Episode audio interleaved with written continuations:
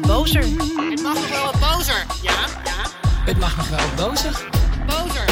Het mag nog wel Nog wel wat bozer. Voor mij mag het nog wel wat bozer.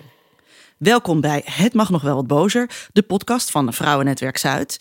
Mijn naam is Veerle Korstens en mijn gast vandaag is Jet Keij. Zij was ooit directeur van Sale met altijd een schroevendraaier in haar handtas. Nu is ze klusvrouw die op vakantie gaat in haar zeilboot.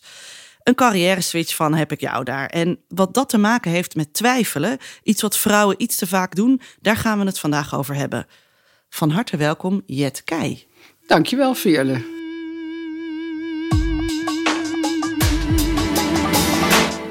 Om te beginnen, mijn vorige gast was Jolande Appelman. Zij schreef op haar protestbord: Geef niet op. Is dat iets waar jij je in kan vinden? Nou, volgens mij sluit mijn kreet goed aan bij haar. Geef nooit op, want dat doe ik ook niet. Nooit? Zelden. Zelden. We gaan het zo hebben over jouw kreet. Eh, We gaan eerst nog even beginnen bij hoe het kwam, jouw carrière switch. Je werkte altijd in de congres- en evenementenbusiness. Nou, jouw grootste evenement was denk ik Sale. En daarna ben je altijd blijven werken in eh, evenementen. Toen was je 58. Het was de crisis en de evenementen, die waren er niet zoveel meer. En ineens kon je nergens meer aan de bak. Hoe kwam dat? Eh, dat kwam, ik was ingehuurd om een congres over oliebor in Angola te organiseren. Dat ging ineens niet door. Ik zou zeggen, op zijn Afrikaans ging dat niet door. Dus er was geen reden, maar het ging gewoon niet door. Toen kwam ik terug hier om werk te zoeken. En wat je net zegt, de naweeën van de financiële crisis waren er nog steeds. Dus er werd minder georganiseerd. Ehm, dus ik ben op zoek gegaan. Het lukte niet. En ik weet dat aan mijn leeftijd. Dus toen ik geen opdrachten kon vinden, ehm, dacht ik, dan ga ik maar op zoek naar een baan. Maar daar speelde eigenlijk hetzelfde. Het enige vervelende eraan vond ik, ja, behalve dat ik geen baan kon vinden, was dat niemand zegt: Jet, je bent te oud. Niemand durft dat letterlijk te zeggen, Nee, maar dan- je voelde wel aan alles dat dat zo was. Ja, want dan pas je ineens niet in het profiel. Dat was dan eigenlijk de kreet waar ik steeds tegenaan liep. En toen dacht ik, nou, dat profiel, daar pas ik prima in. Maar 1953 past niet in dat profiel. Maar dat durft niemand te zeggen, want dat is leeftijdsdiscriminatie. Heb je het wel eens echt letterlijk gevraagd? Ja, ik heb het gevraagd bij wat achteraf mijn laatste eh, sollicitatie bleek te zijn. En toen na drie gesprekken bij een headhunter paste ik ineens niet in het profiel. En toen zei ik, meneer, ik beloof u dat ik niet naar het klaagpunt leeftijdsdiscriminatie zou gaan. Maar zegt u nou gewoon tegen mij, Jet, het wordt niks, we vinden je te oud. Maar dat, wel, nee, dat was absoluut niet het geval, mevrouw Keij, en dit en dat. Nou, ik dacht, het is wel goed. Is ik, wel best. ik hou hiermee op, want daar raak ik nou eh, gefrustreerd door. Nou, voor mij mag het nog wel wat bozer. Wat zou jij op het bord willen schrijven? Twijfel niet aan jezelf, Waarom? omdat er geen enkele reden voor is. Je moet alles proberen. Ja? En eh, waar geen wil is, is een weg. En waar geen weg is, is een omweg. Oké, dat is goed om te onthouden. Dus je loopt in je hele leven tegen dingen aan die je niet kan of die je nog nooit hebt gedaan. Hoewel ik niet van het woord hou, maar het is een uitdaging om het wel te proberen. Want waarom zou je denken, ik kan het niet, ik probeer het niet. Probeer het wel. Dus eh, ben je dat vaak tegengekomen in je werk? Mensen die, die het niet proberen of die wel te veel te veel twijfelen? Ja, natuurlijk. Er zijn mensen met bakken zelfvertrouwen en er zijn met bakken eh, gebrek aan zelfvertrouwen.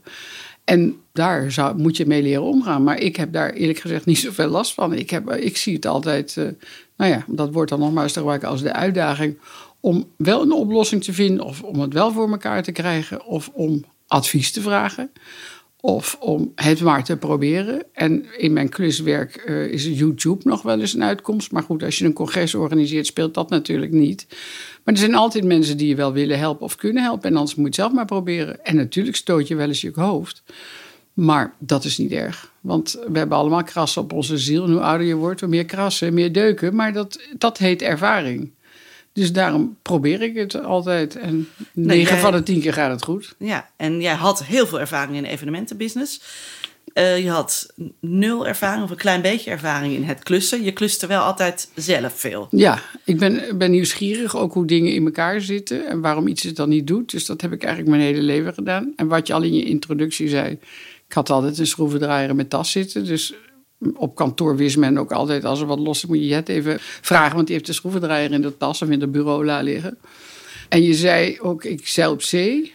Ja, Weinig monteurs op zee. precies. Dus dan moet je altijd zelf alles doen. Ja, en, Ja. Ik heb, en je leert van anderen natuurlijk. En met anderen eh, dingen te doen. En, te, en dan maar te proberen. En in een handboek te kijken. En eh, Maar te doen. ja, probeer het maar. En, en hoe kwam je dan erop om dat inderdaad professioneel te gaan doen? Nou, ik, daar heb ik wel lang over nagedacht. Eh, wat dan nu te doen als je het roer echt omgooit. Maar ik dacht, ik, ik, moet gaan, ik ga mijn handen gebruiken. Dat vind ik trouwens altijd al erg. Heb ik dat leuk gevonden. En toen kwam ik eh, daarover nadenkend ineens weer bij mijn ouders terecht. Die overigens deze switch niet meer mee hebben meegemaakt, helaas. Eh, maar die hadden zo'n handig mannetje om toen nog de televisie af te stellen, weet je wel. Of om een lampje te vervangen, omdat ze toch een beetje te oud werden om op een ladder te klimmen. En omdat de gordijnroe los was. En daar komt ook toen al niet zo erg gauw iemand meer voor. Nou, daar begon ik aan te denken. En toen dacht ik, ja, die mensen zijn er natuurlijk nog steeds. En het hoeven trouwens helemaal niet per se oude mensen te zijn. Want er zijn ook jonge mensen genoeg die of onhandig zijn... of er geen zin in hebben of geen tijd voor hebben. Dus ik dacht, laat ik maar eens eh, eh, hier bij mij in de buurt gaan kijken... waar de oudere mensen wonen. En dan ga ik gewoon een klein buurtonderzoekje doen. Ben je gewoon gaan aanbellen? Ja, ik heb opgeleid waar dus de meneer of mevrouw met de grijze haren woonde. Dat heb ik aangebeld. Toen zei ik, dag mevrouw, dag meneer. Ik ben Jetke, ik woon hier verderop op nummer 76. Mag ik u wat vragen? Nou, dat mocht. En dan kwam het er in het kort op neer dat ik vroeg... u heeft een scheefhangend eh, keukenkastdeurtje, uw bel doet het niet. Denkt u nou nooit, dus had ik nou maar zo'n handig mannetje. Nou, dat, ja, dat zou ontzettend handig zijn. Toen zei ik, zou u ook een handige vrouw bellen? En dan was het altijd even stil, even nadenken. En toen zeiden ze, ja, waarom niet? Maar die kennen we niet. Nou, ik heb acht keer aangebeld hier in de buurt bij mensen. En toen ik eigenlijk acht keer minder met hetzelfde antwoord kreeg, dacht ik, ik hou hiermee op. Ik ga een folder maken van de zomer. En die maak ik eh, op een formaat. eh, toen nog denkend dat ik op oudere mensen mikte, die met een magneet op de ijskast geplakt kan worden. Dat heb ik gedaan. Eh, die heb ik met een briefje in een envelop bij die mensen, die acht mensen in de bus gegooid. En na vier dagen belde de eerste mevrouw op en het is nooit meer opgehouden. Wat heerlijk. Dat, Ja. dat, dat dat gewoon werkt. Het werkt. Ja. Ja. De eerste klussen, hoe zagen die eruit? Nou, de allereerste klus was van een mevrouw die hier achter woont. En eh, die zei tegen mij: Ik wil eh, eh, mijn schilderijen verhangen. Doe je dat ook? Ja, doe je dat ook? Ik deed natuurlijk alles. Hè? En toen zei ze: Maar het fijnste zou zijn als je morgenavond om half negen kan komen. Want donderdagochtend, weet ik, heb ik een Brits vriendin over de vloer. En dan Die vind ik het leuk als het andersom hangt. Nou, ik dacht, ja, het is nou niet direct mijn bedoeling om s'avonds te gaan werken. Maar het is de eerste opdracht. Ik ga erheen. Dus ik ga erheen en ik verhang vier schilderijen. En toen zei ze, ja, ik heb ook nog een bureaulampje wat het niet zo goed doet. En de schakelaar, nou, daar vlogen bij wijze van spreken de vonken uit. Dus daar was, zat kortsluiting in, dus dat heb ik ook opgelost. En toen zei ze, ik heb een stofzuiger en die doet het niet. Hij doet het wel, hij doet het niet. En ik ben al naar de winkel geweest en die had gezegd, mevrouw, koopt u een nieuwe. Maar ze zei, ja, hij is pas eh, twee jaar oud. Kan jij daar naar kijken? Ik zei, mevrouw, ik heb niet per se verstand van stofzuigers, maar laat ik maar even kijken. Nou, ik zet dat ding aan en ik hoor plop, plop en dan weer niks, plop, plop, weer niks. Ik dacht, er zit wat in de slang. En toen bleek er gewoon een kurk in die slang te zitten. Dus die, als hij ging zuigen, kwam hij voor het gaatje bij de stofzuiger. Die zuigt hij niet en dan hield het de druk weer op. En dan viel die los en dan zoog hij weer wel. Nou, ik heb met een kwartier prutsen had ik die kurk uit die slang. En eh, hoefde die mevrouw dus geen nieuwe stofzuiger te komen. Dan dacht ik, ja, probeer het maar gewoon. Ja, je kan altijd even kijken. En even luisteren. En even ergens aan trekken of aan schudden. Of eh, iets vastdraaien of iets losdraaien. En ja, eerlijk gezegd, 9 van de 10 keer lukt het ook wel om het op te lossen. Bozer. En is het veel koffie drinken jouw werk? Nou, toen ik begon had ik natuurlijk geen idee hoe dat zou gaan, want geen ervaring. In het begin had ik heel veel oudere mensen. En dan kwam ik daar en dan vroeg ze of ik een kopje koffie wilde. Nou, die mevrouw zei ze, ja, ik, u bent de eerste met wie ik praat. En dan was het donderdag. Dan dacht ik al, jeetje mina. Toen had ik nog niet zoveel ervaring in dat plannen van de afspraken. Dus een kopje koffie, gordijnrails ophangen, nog een kopje koffie. Nou, dat had ik vrij snel afgeleerd. Dus dan, dan zeg ik eh, altijd, nou mevrouw, laat ik nou eerst eh, dat gordijnrails ophangen... en dan over een half uurtje eh, graag een kopje koffie.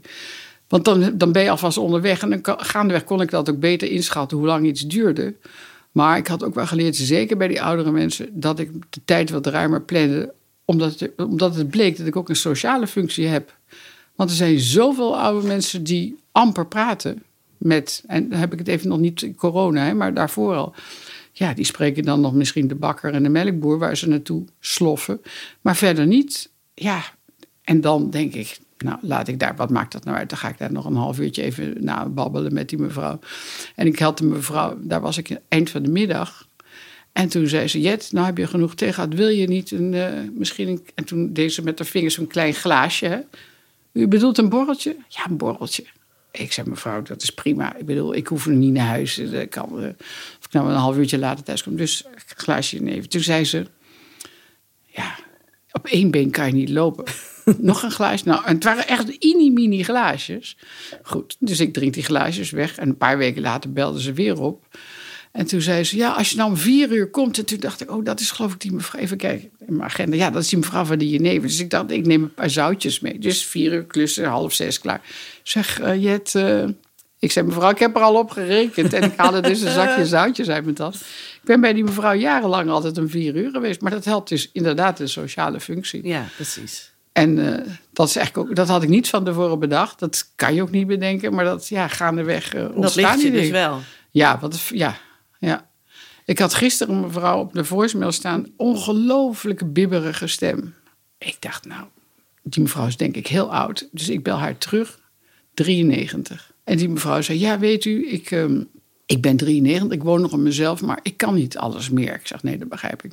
Nou, wat was er nou gebeurd? Er was een, kraan, een kraantje van de gijzer afgevallen. En er moesten nog een, eh, twee potten eh, geraniums in de tuin worden verplaatst. En ze zei, ja, dat kan ik niet meer. Nee. Nou, en eigenlijk eh, wil ik niet zoveel nieuwe klanten meer aannemen, maar hier bezwijk ik altijd voor. Dus ik heb afgesproken dat ze een lijstje maakt en dan bel ik er overmorgen op. En dan ga ik even met het doornemen wat ik ga doen. Want ik heb begrepen dat je ook sommige ouderen helpt met e-mailen en op de iPad. Ja.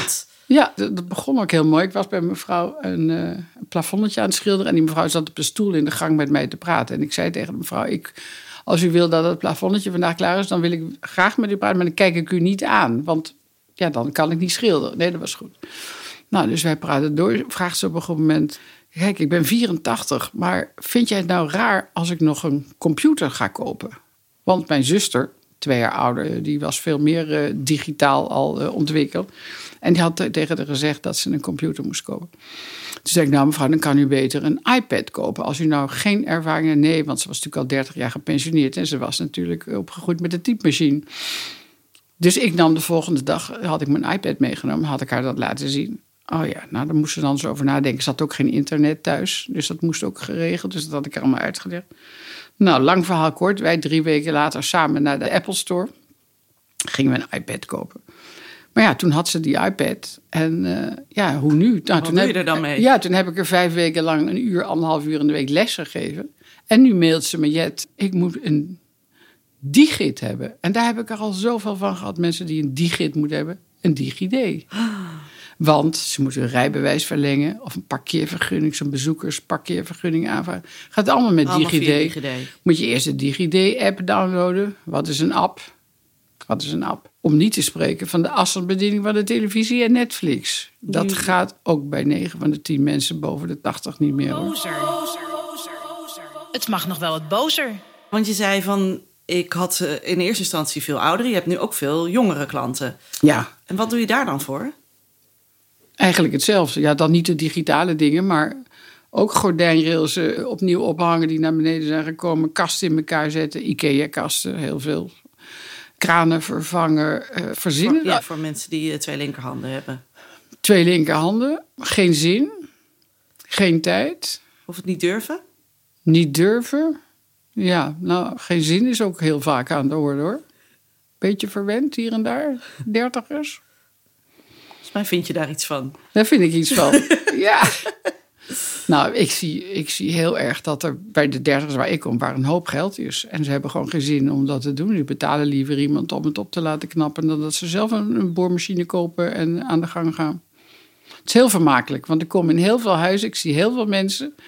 En ik stel me natuurlijk altijd op als de klusvrouw. Maar ik zie natuurlijk van alles. En dat is bijzonder amusant, vind Wat, ik. eh, wat is het meest amusante wat Nou je ja, tegenkomt? ik was laatst in een huis hier in Zuid en er hingen vier gitaren aan de muur. En toen zei ik tegen die mevrouw, wat leuk, want ik had inmiddels in de gaten dat ze twee kinderen heeft.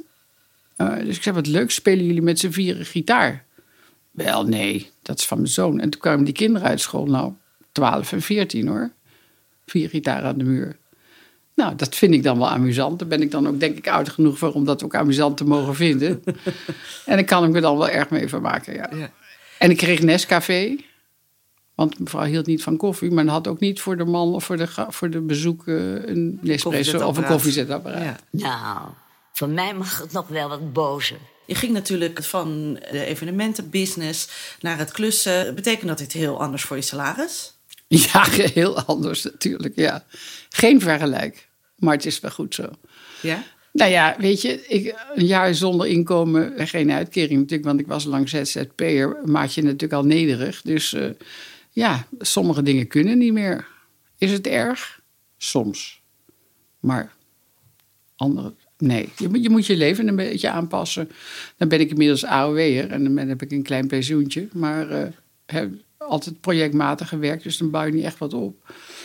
Maar eh, het leven is goed hoor. Nou, voor mij mag het nog wel wat bozer. Dat niet twijfelen. Jij doet dat in het klussen gewoon. Je kijkt totdat, je, totdat het lukt eigenlijk. Je probeert net zo lang totdat het lukt. En eh, is dat iets wat met name vrouwen meer moeten leren? Nou, dat weet ik nou niet of dat zo is. Maar wat vrouwen misschien meer, maar ja, het is wel een beetje generaliseren natuurlijk, is maar wel durf het gewoon. Probeer het gewoon. Ik denk dat mannen zeggen veel eerder, nou dat kan ik. Of dat doe ik wel, terwijl ze geen idee hebben. En vrouwen zeggen dan, eh, ik weet niet of ik dat kan. Nee, ik weet het ook altijd niet, niet altijd, maar probeer het gewoon. En ik zou het niet zeggen. Gewoon denken, nou, ga eens kijken. Ik, ik zeg zelf dat ik het niet kan. Ik zeg wel eens, nou, dat doe ik voor het eerst. Maar het heeft niks per se met klussen te maken. Ik bedoel, we hadden het net over Sail Amsterdam. Nou, dat wist ik ook niet hoor, waar ik aan begon. Maar het leek me geweldig. Hoe ging dat? Nou, het was eigenlijk wel zo grappig dat ik had daarvoor gewerkt bij de Stichting Olympische Spelen. We hebben in de tachtiger jaren geprobeerd om de Olympische Spelen in Amsterdam te krijgen. Nou, dat is niet gelukt. En dat wisten we van tevoren dat we dan onze baan meteen kwijt zouden raken. Nou, dat gebeurde ook. En toen dacht ik, was, ja, wat moet ik nu? Nou, ik ben een zeiler, zoals je inmiddels weet. En ik dacht, ja, straks komt Sail weer. Eh, weet je wat, ik schrijf een brief naar, eh, naar de Stichting Sail Amsterdam. Toen heb ik een gesprek gehad. En toen werd ik eigenlijk tot mijn verbazing directeur van de Stichting Sail Amsterdam. Want daar solliciteerde je niet op. Nee, ik, ik solliciteerde naar een baan bij Sail. Maar nou, ik had kennelijk een, goede indruk gemaakt. Ja, en ik had Sail al, al die keren daarvoor wel meegemaakt. Maar ja, het is wel een heel erg groot evenement. Om niet te zeggen het grootste evenement eh, wat zich in Nederland afspeelt, denk ik nog steeds. Ja, ja, kan ik dat? Ja, natuurlijk kan ik dat. Ik, eh, ik ga wel beginnen en dan zien we wel wat er gebeurt. Nou, ja, dat ging natuurlijk goed. Ja, dan gaat natuurlijk niet alles goed. Maar dat, heel veel dingen merkt niemand dat het niet helemaal gaat zoals het had gemoeten. Maar ja, da- daar moet je dus niet twijfelen. En als je denkt, eh, eh, eh, ja, dan wordt het natuurlijk niks. Kort samengevat. Je moet gewoon ervan overtuigd zijn dat je het kan. En alles wat je onderweg tegenkomt, eh, aangaan. En, eh, Aangaan en, en, en, en, en zoeken hoe, hoe je dat nou op gaat lossen. Of ja, vragen staat vrij, tenslotte ook. Dus eh, ja, zo moet je het doen. En dan komt van het een komt het ander natuurlijk. En nou was Sail wel het allergrootste wat ik heb gedaan. Maar ik heb ook congressen met 15.000 man georganiseerd. Ja, je bouwt toch iedere keer voort op, eh, op de kennis die je hebt opgedaan. En ja, je moet er niet bang voor zijn. En dat, eh, dat ben ik niet. nee. Ja. En deze podcast heet Het mag nog wel wat bozer. Ja, Waar maak jij je nog boos over? over de, toch de ongelijkheid tussen mannen en vrouwen. In welke En opzicht? nou, in, in allerlei opzichten. Kijk eens naar de televisie. Hoeveel mannelijke presentatoren, hoeveel vrouwelijke presentatoren, hoeveel oude mannen presenteren, hoeveel oude vrouwen presenteren. En dan oud tussen aanhalingstekens, maar eh, hoe heet die? Paul Witteman, Philip Freriks. Zie je Clary Polak nog? Zie je Hanneke Groenteman nog? Weet jij waarom? Ik heb boven, het niet boven de 58? ik heb ze niet gevraagd, maar ik heb zo mijn vermoedens. Daarin vind ik het nog onevenwichtig. Dus bij op één zie je mannen, vrouwen, mag ik zeggen, van alle kleuren. Ja? Maar bij veel van die andere programma's veel meer mannen dan vrouwen. Hoe komt het? Ja, dan kunnen we ze niet vinden. Nou, dan zou ik zeggen, zoek eens wat beter, zeg. Ze zijn er toch. Maar wie bepaalt het? De mannen. Want de mannen zijn de regisseur of de eindredacteur of de, de baas. Ja, dan zeggen ze naast we kunnen ze niet vinden, zeggen ze en vrouwen willen vaak niet. Nee, nou, daar heb je het al. Twijfel er nou niet aan. Ga dan er gewoon voor die microfoon zitten of, eh, of op, de, op de stoel zitten. Ja, dat is het. Nou, wil je het op het bord schrijven? ja, dat zal ik doen. Twijfel niet aan jezelf. Precies. Bozer. Het mag nog wel wat bozer. Bozer. Moet natuurlijk duidelijk, anders kan je niet lezen. Nee, iedereen moet het kunnen lezen. Al die vrouwen moeten het kunnen lezen. Nou begin ik te twijfelen. Staat dat ding aan of niet? Ja? Waar begin je aan te twijfelen? Dat is heel gek. Waar twijfel je aan? Ik schrijf het verkeerd op. Dat, moet een F worden. Die streep. Dit is wel heel ironisch dat jij nu gaat twijfelen. Eh, denk niet over die tekst. Nee, of het, of, het, gewoon- of het goed genoeg is. Ja, dat had ik niet gedacht. Dat jij nu zou gaan twijfelen. Nee, ik twijfel ik even niet. Bozer. Bozer. Nou, je kunt jezelf ook overschreeuwen natuurlijk. Ja, maar ik ben niet zo'n schreeuwer. Nee, maar mensen die wel twijfelen, die zullen denken... ja, maar dan roep ik iets wat ik straks niet waar kan maken. Nee, maar je hoeft het niet altijd te zeggen. Maar je moet handelen. En dan moet je tegen jezelf zeggen... twijfel niet aan jezelf, doe het gewoon. En dan hoort niemand het, maar het helpt wel. Want als je gaat zeggen of denken... ik weet niet of ik het kan. Nee, misschien kan ik het wel niet. Of doe ik het wel verkeerd. Nou, dan geef ik je op een briefje dat het niet gaat. Maar als je zegt, ik ga dat doen... ik ga het goed doen, ik weet hoe het moet...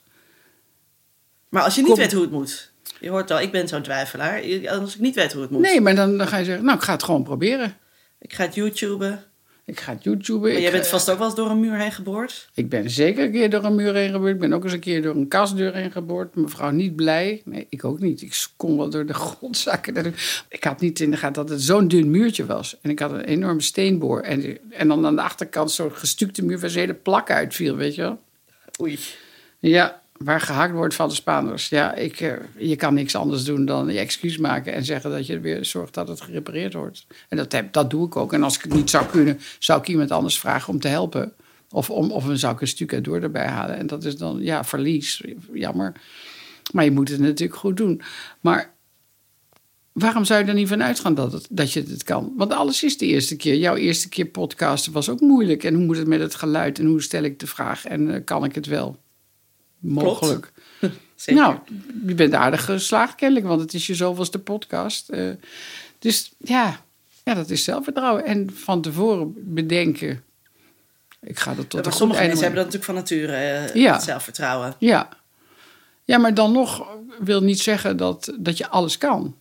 Maar er zijn natuurlijk altijd dingen die je moet doen die nieuw zijn. Waarvan ik dan thuis nog eens even nadenk. Of eh, soms doe ik een proefje in de schuur. Dat ik denk, eens even kijken hoe hard het met die boor gaat. Of, nou, verzin het maar. Of het de verf mengen. Of, eh, nou. Ja, het gaat ook wel eens mis. Maar ja, het, gaat bij meneer Rutte ook wel eens mis, hè? Klopt. Nou, en jij Die zal moet, ook... die moet misschien ook wel af en toe eens een keer een proefje in de schuur doen. Ja, en je moet ook over je houdbaarheidsdatum nadenken. Misschien. Ik bedoel, ik loop ook geen 100 meter in meer in 10 seconden. Nou, dat deed ik dat nooit, maar in 20 seconden. Nee, ik bedoel, ja, je, dat, dat is nou een keer zo. Maar je moet niet van tevoren al denken met, eh, je lip eh, aan je lip te prutsen. Zou, eh, zou wel kunnen. Daar heb ik nou echt geen last van. Nee. Nee. Nou, dat is hele goede, met inderdaad een, een populair woord, empowerment. Empowerment. Oh ja, precies. ja. Maar goed om te horen. Dank je wel voor eh, deze, nou, dit lesje niet eh, twijfelen en eh, voor jezelf opkomen ook, volgens mij. Nou, anders ga je maar een keer middag in met mij mee boren. Dus Oh, leuk. Dat is misschien nog... dat wil ik wel. dat wil ik wel. Dat is goed. Nou, dankjewel. Dit was Het Mag Nog Wel Wat Bozer, de podcast van Vrouwennetwerk Zuid. Ik dank natuurlijk mijn gast Jet Keij. Ontzettend fijn dat je hier was en ons allemaal op het hart drukt om iets minder te twijfelen. Nou, eh, zoals je al hoort, die kan ik zelf ook meenemen. En ik dank ook degene die deze mooie tune maakte en tevens de eindmixage iedere aflevering. Dat is Arno Peters. Vind je deze podcast nou interessant? Druk dan op dat like-knopje in je podcast-app. Of beter nog, deel deze op sociale media. En voor nu, tot de volgende aflevering. Voor mij mag het nog wel wat bozer.